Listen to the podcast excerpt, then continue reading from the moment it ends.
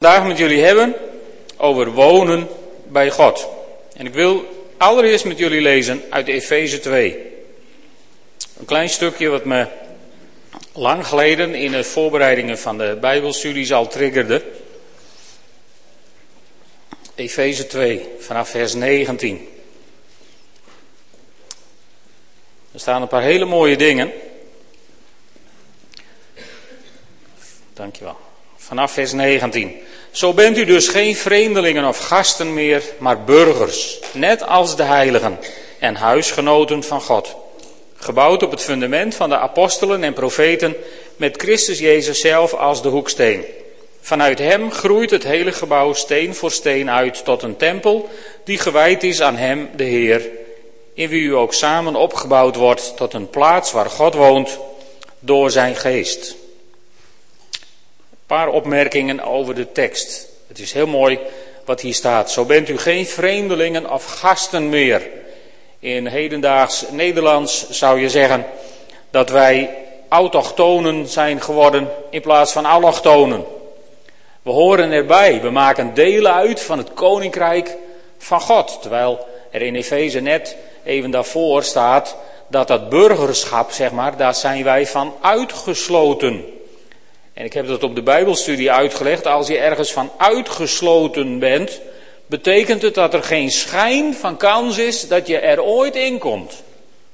Toch zijn we door het kruis van Jezus, dankzij het bloed van onze Heer en Heiland, zijn we niet meer buitengesloten, maar juist ingesloten in dat koninkrijk, in dat burgerschap van God. En we zijn, we zijn daar geen, geen logiers, we zijn daar niet mensen die, nou ja, getolereerd worden. Zeg maar, we worden niet gedoogd. Nee, er staat, we zijn huisgenoten. Het Griekse woordje oikoloi, wat huisgenoten betekent, is afgeleid van het begrip oikos. Hè? En oikos is het huis waar je woont. En in, in die oude tijd, daar was in de oikos waar je woonde, dat was de oikomen, de econoom zouden we tegenwoordig zeggen. Dat was de heer des huizes. En, en de vrouw des huizes, die had in sommige, veel gevallen ook invloed. En misschien de kinderen, als ze een keer groot waren, volwassen waren geworden. Dat waren de, de economen van het huis. De mensen die wat te zeggen hadden in het huis. Maar verder had je in dat huis ook onmondige kinderen. En je had slaven en dienstknechten. En die, ja, die verbleven wel in het huis, maar zeg maar naar het Griekse begrip van wonen, woonden ze niet in het huis. Ze hadden er weliswaar onderdak en ze hadden eten en drinken als ze geluk hadden, maar ze hadden er niks te zeggen. Ze werden getolereerd.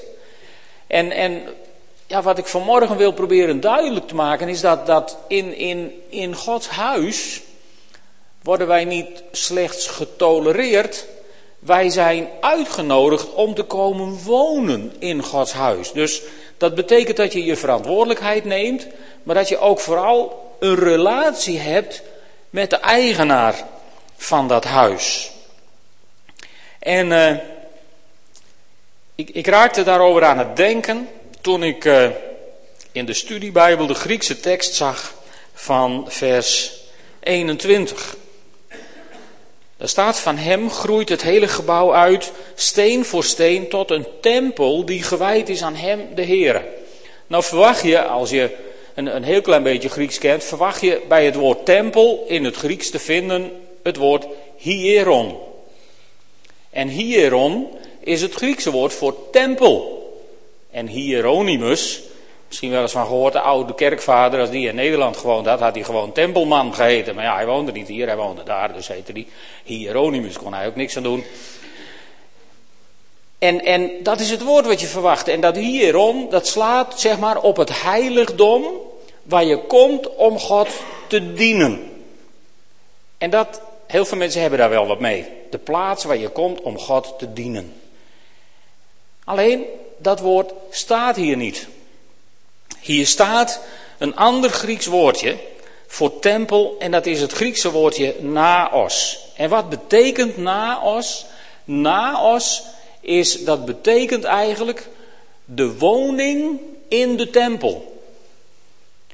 Als je meegaat naar de tabernakel of naar de tempel van Salomo, dan, dan was de tempel de, de hieron. Maar de naos van de tempel, dat was de plek waar God woonde. Dus het heilige der heiligen. Want waar woonde God?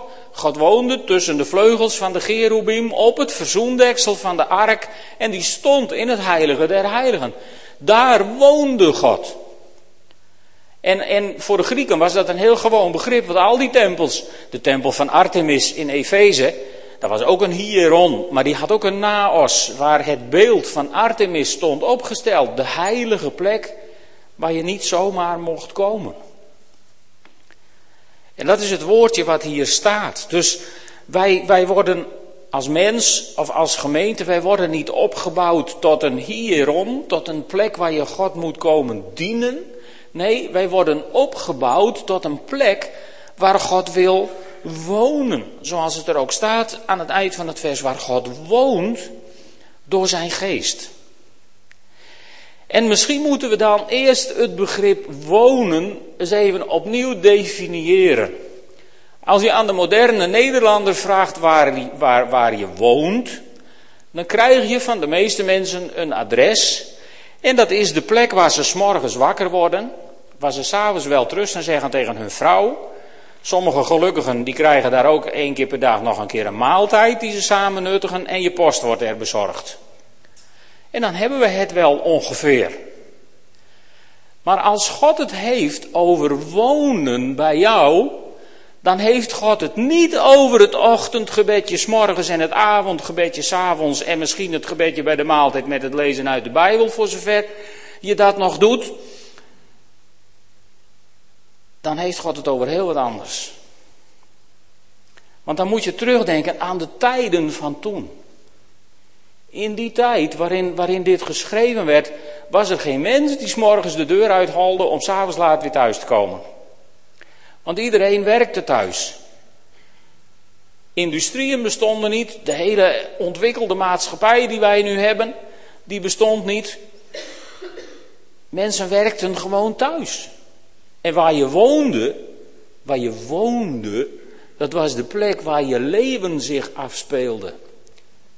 Daar sliep je, daar at je, daar werkte je, daar, daar eh, bedreef je de liefde, daar diende je je God, daar, daar alles wat je deed, dat deed je waar je woonde. En, en volgens mij is dat waar God met ons naartoe terug wil, naar een plek waar je leven zich afspeelt. Want God wil dat ons leven zich afspeelt samen met God. Misschien een beetje abstract begrip, maar ik, ik ga een poging doen om het, om het dichterbij te brengen. Want dit is volgens mij zo'n verschrikkelijk belangrijk iets in het leven van mensen. Als we op reis zijn met God, dan is het zo belangrijk om, om, om hier iets van te begrijpen. Laten we eens teruggaan naar het begin. Genesis 1, vers 26. Daar zegt God: Laten wij mensen maken die ons evenbeeld zijn die op ons lijken. Zij moeten heerschappij voeren over de vissen van de zee, de vogels van de hemel, over het vee, over de hele aarde en over alles wat daarop rondkruipt. En God schiep de mensen als zijn evenbeeld. Als evenbeeld van God schiep hij hem, mannelijk en vrouwelijk, schiep hij de mensen. By the way, hier staat dus niet dat God zei: laten wij mensen maken naar ons evenbeeld en vervolgens evalueerde God een aap. Dat staat hier niet, hè? God schiep de mens naar zijn evenbeeld. En waarom deed hij dat nou? Waarom schiep God nou de mens? Wel, hij had een, een hemel vol engelen. Maar wat deden die engelen? Die dienden hem. En kennelijk had God behoefte aan een andere categorie wezens die nog meer op hem zouden lijken dan de engelen, zodat ze hem niet alleen maar zouden dienen, maar dat ze gemeenschap met hem zouden hebben. Zodat ze een relatie met hem zouden kunnen hebben. Zodat ze samen zouden kunnen werken. Zodat ze bij elkaar zouden kunnen wonen. En kennelijk waren die engelen daar niet genoeg voor. En dan lees je in Genesis 2, prachtig scheppingsverhaal. Geweldig. En ik denk van, van als je Genesis 1 en Genesis 2 vergelijkt met ons Grieks denkende hoofd, dan stuit je misschien op de verschillen. En dan ga je misschien zeggen, het klopt niet. En ik, weet je, ik denk dat de Semitische geschiedschrijver die het geschreven heeft ons aan zou kijken met grote ogen. Wat is het probleem? Is het nou niet een mooi verhaal dan? Want waar gaat het om in het Oude Testament? Het Oude Testament is helemaal niet geschreven om te bewijzen dat het allemaal precies klopt. Het Oude Testament is ook niet geschreven om ons nou eens exact op de hoogte te brengen van hoe de geschiedenis zich heeft afgespeeld. Het Oude Testament is geschreven onder leiding van Gods Heilige Geest om ons duidelijk te maken wat voor geweldige, grote God wij dienen. En hoe lief Hij ons heeft en hoeveel geduld Hij met ons heeft. En dan is Genesis 2 is een prachtig verhaal over, over zoveel intimiteit dat je je amper kunt voorstellen in vers 19. Daar staat zoiets moois. Want Adam, die is kennelijk al gemaakt. En, en die is wat eenzaam. En dan, dan gaat God allemaal dieren voor hem maken. En dan staat er in vers 19. Toen vormde God uit de aarde alle in het wild levende dieren en alle vogels. En hij bracht ze bij Adam, bij de mens. Om te zien welke namen de mens zou geven. Kun je, dit kunnen, volgens mij kunnen we ons dit helemaal niet precies voorstellen. Maar als je, als je even je ogen dicht doet en, en het beeld even op je laten inwerken. Dan zit Adam daar. En God die is druk aan het boetseren en aan het bakken en het schilderen. En die maakt de prachtigste beesten. En dan zet hij ze voor Adam neer en dan huppelen ze heen. En dan is God zo nieuwsgierig van... Adam, vind je hem mooi? Adam, hoe moet hij heten? Adam, hoe gaan we hem noemen? En weet je, je proeft daar iets van, van hierom heeft God de mens gemaakt. Om, om die gemeenschap te hebben, om die, om die ultieme intimiteit te beleven van als ik wat moois maak. Mens, vind je het mooi? En ik denk dat Adam alleen maar heeft gezegd, wauw. Veel, veel langer was Adams geestelijke taal niet op dat moment. Volgens mij, wauw, prachtig. En hij bedacht de mooiste namen. En zo hadden ze daar hun tijd samen. En toen kwam Eva even later ook nog als rib uit zijn lijf. En, en toen was het helemaal compleet. En samen hadden ze de tijd van hun leven daar in het paradijs. En s'avonds kwam God even langs en dan wandelden ze in de avondkoelte. En ze waren zo vertrouwd met God dat ze aan de voetstappen hoorden dat God het was. En weet je, wat deden ze dan s'avonds als ze wandelden in de avondkoelte? Nou, ze hielden geen functioneringsgesprek om te bepalen of ze het wel goed gedaan hadden die dag hoor. En ze namen ook de agenda van morgen niet door. Weet je, zo zijn wij mensen. Wij zijn zo gespitst op een functionele relatie met God. Als we bij God zijn, dan moet er gebeden worden, dan moet er Bijbel gelezen worden, want anders is het niet goed. En, en het is niet verkeerd, maar als dat het plafond is van je relatie met God, dan, dan, dan mis je dat ultieme, dat, dat intieme, wat God juist met ons wil. En dan gaat het mis. En dan komt de zonde in de wereld. En dan zien we in 3 vers 8 dat ze God horen in de avondkoelte zich voor hem verstoppen. Omdat ze bang voor hem zijn geworden. En weet je, dat is zo'n triest moment. Want Adam had Eva nog. En Eva had Adam nog. En God had niemand meer. Die mens die hij gemaakt had om gemeenschap mee te hebben, die was van hem vervreemd geraakt. En zo was er niemand meer voor God om s'avonds mee te wandelen. Af en toe was er een uitzondering. Mozes, of eh, Noach, die intiem contact met God had. Henoch, die met God wandelde en niet weer naar huis wilde. Zo zijn er nog wat van die mensen die heel intiem waren, maar het waren uitzonderingen. En na, na een paar duizend jaar houdt God het niet meer uit. En dan zegt hij in, in Exodus 25, vers 8, zegt hij tegen Mozes, Mozes, de Israëlieten moeten een heiligdom voor mij maken, zodat ik te midden van hen kan wonen. Weet je, vervolgens ontstond er een tempeldienst met priesters en offers en allemaal gedoe. Maar primair Zei God niet tegen Mozes, er moet een tabernakel gebouwd worden waar de Israëlieten mij kunnen dienen?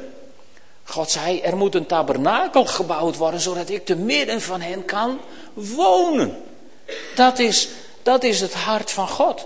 En dan, nou ja, dat, dat, dat, dat verwordt weer tot Gods dienst en waarin, waarin, waarin de relatie steeds minder wordt en de, de tabernakel die, die raakt in verval en er blijft niks van over.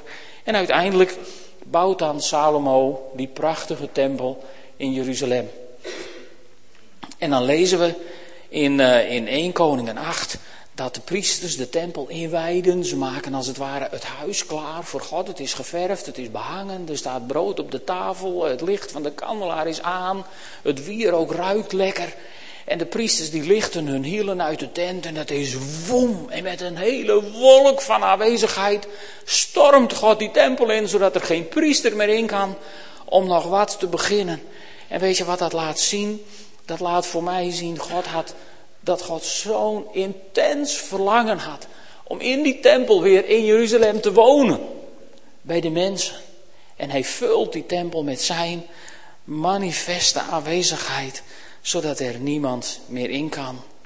En ook dat blijft niet bestaan.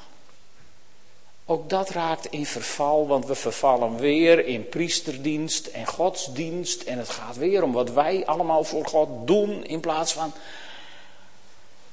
wat voor relatie we met God hebben. En uiteindelijk verdwijnt de tempel. En dan komt God in Efeze 2, vers 22, dat wij samen opgebouwd worden, wij, tot een plaats waar God woont.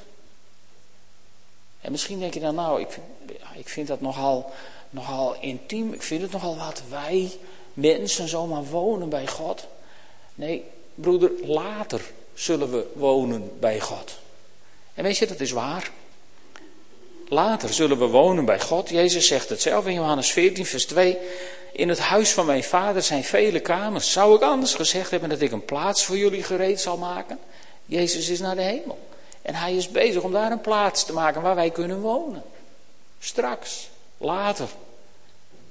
Dat wonen bij God waar broeder Rijn op dit moment verlangend naar uitkijkt. En tegen me zei van ik wil zo graag naar de Heer. Dat je denkt, goh, het is reëel. En weet je, soms kun je er naar verlangen. Soms kun je er naar uitzien om bij God te zijn. Maar het kan ook hier op aarde. Kun je ook die innige relatie met God hebben. Denk maar aan Henoch, die wandelde met God. En, en, en niet weer terug wilde op een gegeven moment, volgens mij. Maar er is nog een heel mooi voorbeeldje in de Bijbel in Samuel, in 1 Samuel 3, daar lees je wat heel merkwaardigs. In die tijd, er was een tabernakel. En de priesters waren weliswaar slecht en zondig, maar desalniettemin was er een tabernakel met regels en voorschriften. En in het naos van de tabernakel, de plaats waar God woonde, daar mocht één keer per jaar, mocht daar de hoge priester naartoe. Die moest van tevoren allemaal offers brengen voor zichzelf en de family, zodat hij rein was. En dan moest hij helemaal geschropt en geboend en schone kleren aan. En volgens de Joodse overleveringen knoopten ze hem dan voor de zekerheid nog een touw om zijn middel, zodat ze hem er tenminste weer uit zouden kunnen krijgen als God hem daar dood zou slaan. Dus in die blijde verwachting ging de hoge priester één keer per jaar het heilige der heiligen binnen. Dat was niet zo'n relatie met God waarvan je denkt, nou dat wil ik ook wel. Laten we eerlijk zijn. Maar dat was de plek van het heilige der heiligen. En dan vinden we in het Oude Testament één ventje. En, en over dat ventje staat in 1 Samuel 3, vers 3. Samuel lag te slapen in het heiligdom van de Heer bij de ark van God. Vind je dat nou niet wonderlijk? Samuel lag te slapen in het heiligdom van de Heer bij de ark van God. Ik heb het met, met veel mensen gedeeld, hoe verwonderd ik was over dit versje. En, en dan zijn er heel veel mensen die beginnen dit ineens weg te redeneren. Van de tabernakel was misschien wel niet meer in goede doen en de priesters waren niet goed. En dan proberen we allemaal dit gewoon weg te redeneren. En, en ik bedoel, als je Genesis 1 letterlijk wilt nemen, dan wil ik deze ook letterlijk. Want het staat er toch? Er staat toch heel gewoon. Samuel lag te slapen in het heiligdom van de Heer bij de ark van God. Hoe had hij dat? Samuel moet een relatie met God gehad hebben. Hij, hij kende Gods stem niet, want God had nog nooit woordelijk met hem gesproken. Maar ja, dat heeft hij met ons ook niet. Dus, maar toch hadden ze wat, want Samuel die was kennelijk in die unieke positie dat hij het heilige der heiligen binnen kon huppelen wanneer het hem geriefde. En hij sliep daar s'nachts. Wonderlijk. Wat kun je daar misschien jaloers op zijn soms? Om zo'n plekje te hebben dat je s'avonds gaat slapen in de zekerheid van nu slaap ik onder de vleugels van de cherubim, daar waar God woont.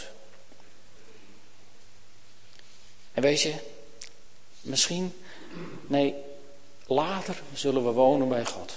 Zullen we het in al zijn grootheid en in al zijn glorie en in al zijn heerlijkheid, zullen we het zien dankzij het volbrachte werk van onze Heer Jezus Christus. Dat staat als een huis. Maar wij mogen nu al wonen bij God. Daar staan een aantal interessante dingen over in het Nieuwe Testament en ik ga eens even met jullie kijken. In 1 Korinthe 6, vers 19, een heel bekend vers. Weet u niet dat uw lichaam een tempel is van de Heilige Geest? En daar staat weer dat Griekse woordje naos. Daar staat niet hieron. Jouw lichaam is niet de plek waar je je uit moet sloven om God te dienen. Je lichaam, zegt de Bijbel, is een plek waar God woont. Gemeenschap met je wil hebben. Intimiteit met jou wil beleven. Jouw lichaam is een plek waar God woont. De Heilige Geest die in u woont en die u ontvangen hebt van God. En weet u niet dat u niet van uzelf bent, of zoals het in Galaten staat, niet ik, maar Christus leeft in mij. Maar waar leeft hij dan? Waar woont de Heilige Geest in jou? Kijk, dit is, dit is een hamvraag die je jezelf regelmatig moet stellen. Waar woont de Heilige Geest? Is de Heilige Geest mijn huisgenoot? Of ben ik misschien zijn huisgenoot? Want als je het goed beschouwt wat hier staat, is dat mijn lichaam de woonplaats is geworden van de Heilige Geest. Dus ik mag wel dankbaar zijn dat ik er niet uit ben gegooid en dat ik erbij in mag. Dat zou de houding moeten zijn die je daartegen hebt. De geest van God zou ultiem de ruimte moeten hebben in mijn leven. En ik woon bij in. Maar ik heb soms de, nee, ik heb heel vaak de indruk dat de Heilige Geest bij ons logeert.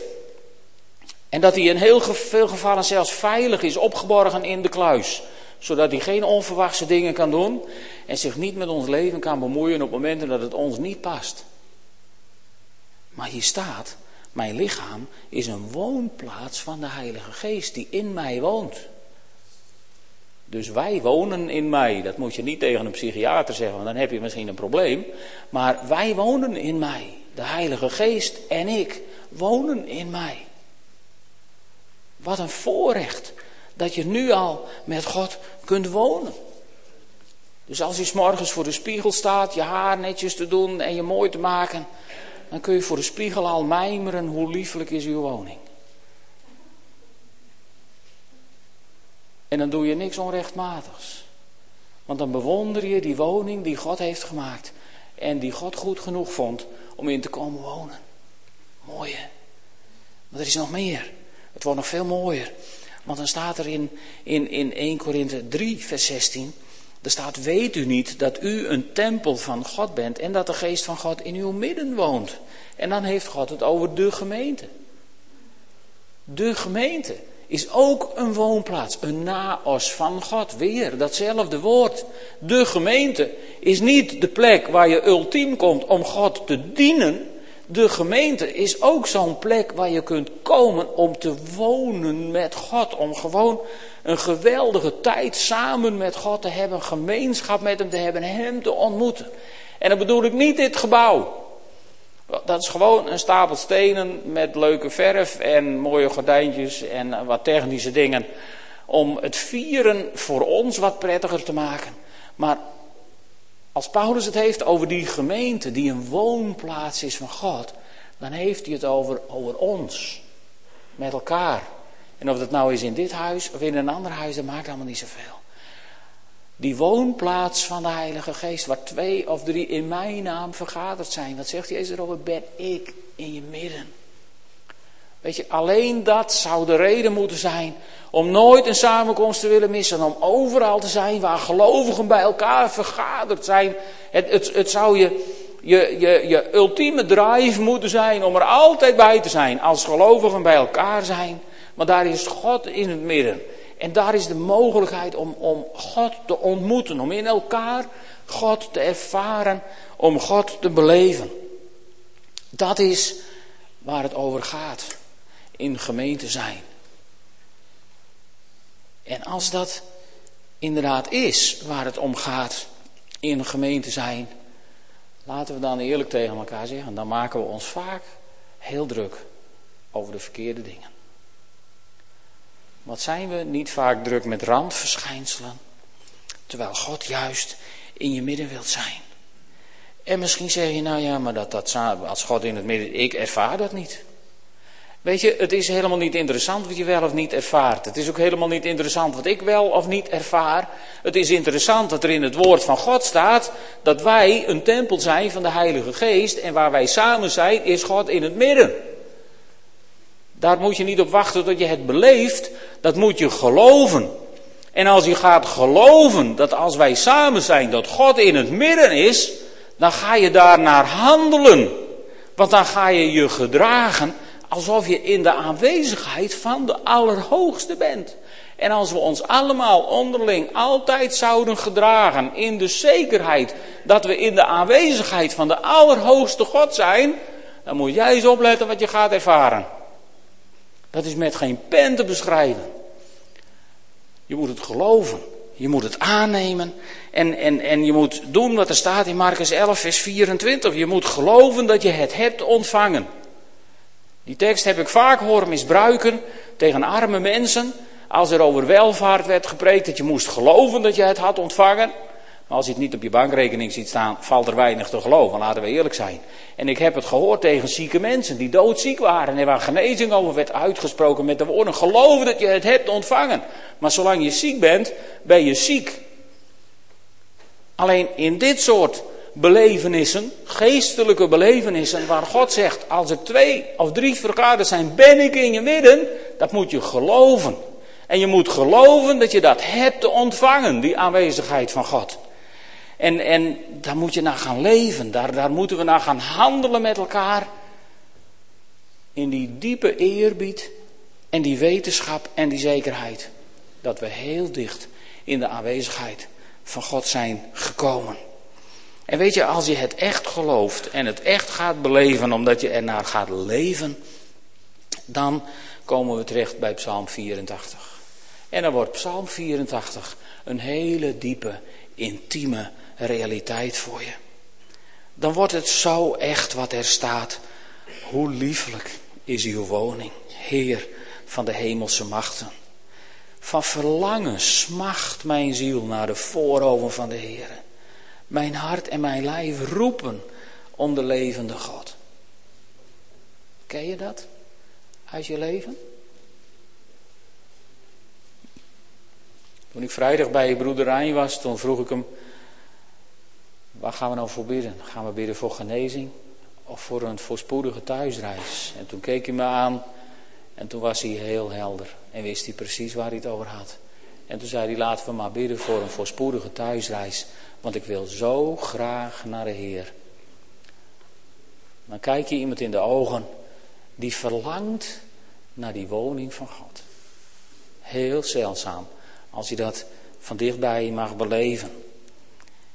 En toen zei ik, Rijn, moet er ook nog wat gezegd worden? Heb je iets waar we het straks over moeten hebben in je afscheidsdienst? Toen zei hij, Willem, één ding moet je ze duidelijk maken. Zeg ze dat God reëel is. Zeg ze dat het waar is wat ik altijd heb geloofd. Bij deze maar vast.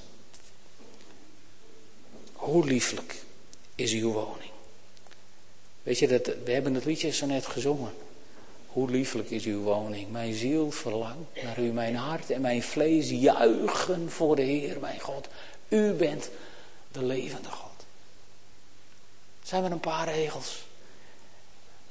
Je kunt ervan roepen wat je wil. Er zullen vast mensen zijn die zeggen, nou muzikaal stelt het niet zoveel voor. Andere mensen zullen zeggen, nou uh, uh, literair stelt het niet zoveel voor.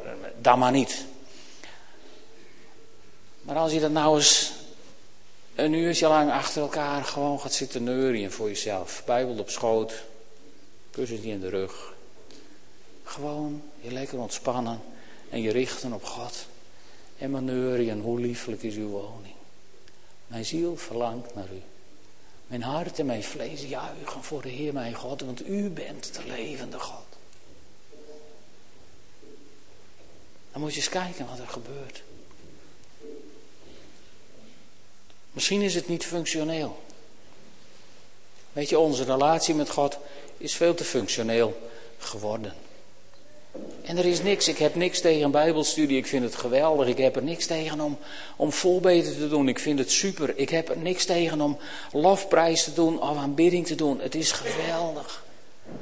Maar wanneer heb je voor het laatst, of misschien voor het eerst van je leven, gewoon op de bank gezeten en gemijmerd, Heer, hoe lieflijk is uw woning. Mijn ziel verlangt naar u. Heb je dat ooit gedaan? Kennen we die intimiteit met God? Kennen we dat? Dat je s'avonds gaat slapen met dat liedje in je gedachten. Hoe lieflijk is uw woning en als je s'morgens weer wakker wordt, dan is dat er nog. Want je geest is er de hele nacht gewoon mee bezig gebleven. Nachtrustbevorderaar is dat volgens mij. Hoe lieflijk is uw woning. En dan, dan gaat het verder in Psalm 84. Zelfs de mus vindt een huis en de zwaluw een nest waarin ze haar jongen neerlegt.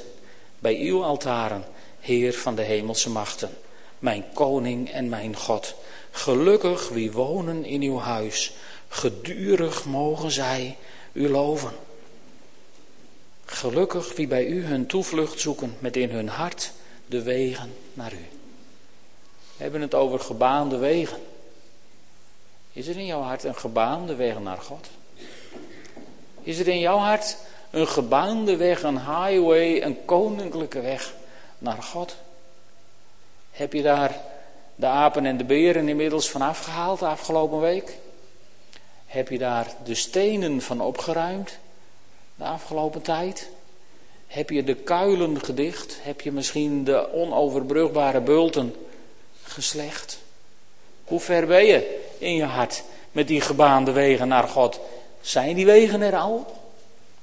Zijn ze er al? Dan wordt het tijd om die weg te openen, zodat er in je hart een weg is naar God. De NBG-vertaling zegt dat ook zo mooi. Welzalig de mensen wier sterkte in u is in wier hart de gebaande wegen zijn. Zijn ze er in jouw hart? Die gebaande wegen. Want weet je, als die gebaande wegen er zijn. En als, als de weg er is om, om God in jou te laten wonen. En als, als het besef in je, in je ziel begint wortel te schieten wat het betekent om te wonen met God, in plaats van alleen maar God te dienen, dan kom je in een andere dimensie van geloven terecht. En dan worden buitenkanten steeds minder belangrijk. Dan gaat het om God en dan wordt het genieten. En dan kun je, dan kun je dat prachtig zingen, die oude psalm 84. Hoe lieflijk, hoe goed is mijn Heer het huis waar gij uw naam en eer hebt laten wonen bij de mensen. Wauw, wat een zin. Hoe brand ik van verlangen om te komen in uw heiligdom. Wat zou mijn hart nog liever wensen dat, dat het juichend u ontmoet die leven zijt en leven doet. Wat zou mijn hart nog liever wensen? Weet je, ik heb vanmorgen een geweldige boodschap voor je. Je hoeft niet dood te gaan om God juichend te ontmoeten. Als je je hart voor Hem opent. En als die gebaande weg in je hart is. En de stenen zijn eraf. En de apen en de beren heb je opgeruimd en, en gebracht waar ze horen. Dan kun je juichend God ontmoeten. Elk moment dat je voor hem gaat zitten. En zegt, Heer, hoe lieflijk, zijn, hoe lieflijk is uw woning. Mijn hart verlangt naar u. En dan zul je merken dat God een hart wat naar Hem verlangt, niet leeg en droog naar huis toe stuurt. Maar dan ga je merken dat een hart wat zegt, Heer, mijn ziel verlangt naar U. Dan zul je merken dat God, dat God er is in je hart. Dat God er is in jou. Dan zul je merken dat je een woonplaats bent van de Heilige Geest. Niet een fabriek waar van alles moet gebeuren, maar een woonplaats. Waar God gemeenschap met je wil hebben. En, en, en weet je, dat, dat maakt je een ander mens. Dat maakt je een, een, een zachter mens. Dat maakt je een, een nederiger mens. Dat maakt je ook een mens die gewoon helemaal kan zwijmelen in de aanwezigheid van God. En dan hoeft het nergens over te gaan. Dan hoeft het niet functioneel te zijn. Dan hoeft het geen resultaat te hebben. Dan hoeft het in een functioneringsgesprek niet meetbaar te zijn, want daar gaat het helemaal niet om. Het gaat om de tijd die je samen hebt. Het gaat om, om het samenwonen in dat oude, oude voorindustriële patroon. Dat God deel uitmaakt van je ontwaken, van je werken, van je eten, van je slapen gaan, van je intimiteit met je partner, van je gezinsleven. Nou, en noem het maar op, van alles, van elk facet van je leven. Daar wil God deel van zijn, samen met jou. En weet je, dan, dan word je een ander mens. Ik wil afsluiten met dat tweede vers van Psalm 84. Uit de berijmde versie, maar dan de Friese versie. Ik vind hem zo mooi. Ik, ik ga hem jullie voorlezen. Ik hoop dat je het helemaal verstaat. In het Nederlands staat er het heil dat uw altaar omgeeft. En de Friese dichter heeft er dit van gemaakt. Het heil dat door de Sion leidt, jouwt alle libben veiligheid. Voor alle vogels binnen nesten. De mosken onder het pannentek. De zwellen boven het gollevek. Ja, hebben een honk om u te reesten. En ik heb een honk in Gods paleis. O, dit is jongen, naks en dijs. Wat een leven moet dat zijn. En weet je, die zwaluwen, hè, die zwaluwen, die doen mij daar wat in. Toen wij in op einde in de boerderij woonden, hadden we nog zwaluwen in de schuur. En dan stond je zo in de lente, stond je even in de boetus door en dan stond je zo het land over te mijmeren en dan zag je hoe het land groen werd en hoe de, hoe de, hoe de, de, de, de, de pinksterbloemen er kwamen en hoe, hoe, hoe de natuur begon te kleuren. En dan begonnen de zwaluwen te nestelen. En er was nooit een zwaluw die aan de deur klopte en zei: Zou ik alsjeblieft even naar binnen mogen om mijn nestje te bouwen? Je stond daar in de deur en af en toe, dan moest je gewoon bukken. Want dan kwamen ze met 200 km per uur over je hoofd scheren.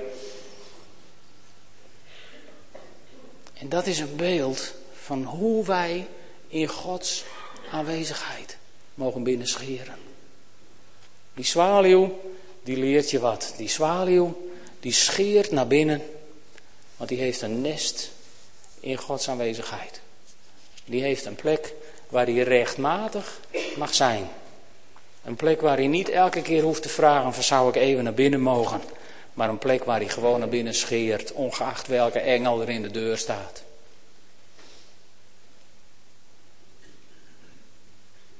Misschien moeten we gaan geloven als een zwaluw. Naar binnen scheren bij God. Wanneer we daar zin in hebben. En dan hoop ik dat je er veel zin in hebt. Dat je vaak zult zeggen, hoe lieflijk is uw woning. Mijn ziel verlangt naar u. Mijn ziel smacht naar u. Kennen we, kennen we dat woord nog? Ergens naar smachten. Ik ben nog lang niet klaar met Psalm 84. Maar over 14 dagen gaan we erover verder. Zullen we gaan staan?